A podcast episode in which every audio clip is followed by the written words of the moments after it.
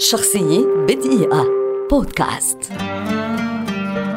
رياض شرارة إعلامي لبناني كبير ولد عام 1940 ويعد واحدا من أبرز وجوه التلفزيون اللبناني والإعلام العربي عبر تاريخه. بدأ مسيرته الإعلامية في الإذاعة اللبنانية فقدم عدة برامج من أشهرها برنامج المسابقات صفر أو عشرين عام 1962 والذي استمر عرضه 12 عاما وبرنامج فكر واربح عمل مراسلا لراديو بي بي سي.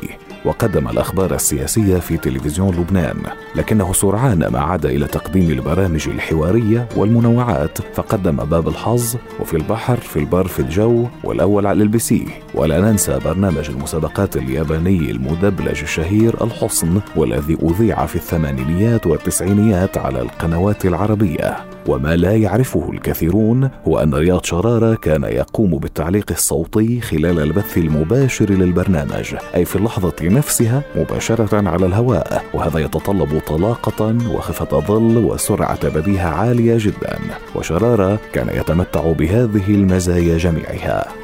حاور رياض شرارة نجوم وعمالقة الإعلام والأدب والفن في برامج كثيرة مثل نجوم ولقاء وصيف ونغم. كما عمل في الصحافة المكتوبة فتولى رئاسة تحرير مجلة تيليسينما خاض تجربة التمثيل والغناء في مسرحية هالو بيروت ومسلسل ناطورة الحارة. وأصدر ألبومات شعرية مزج فيها بين اللحن والكلمة. منها السيدة حبيبتي وعاشق بالولادة وعاشق حتى الشهادة.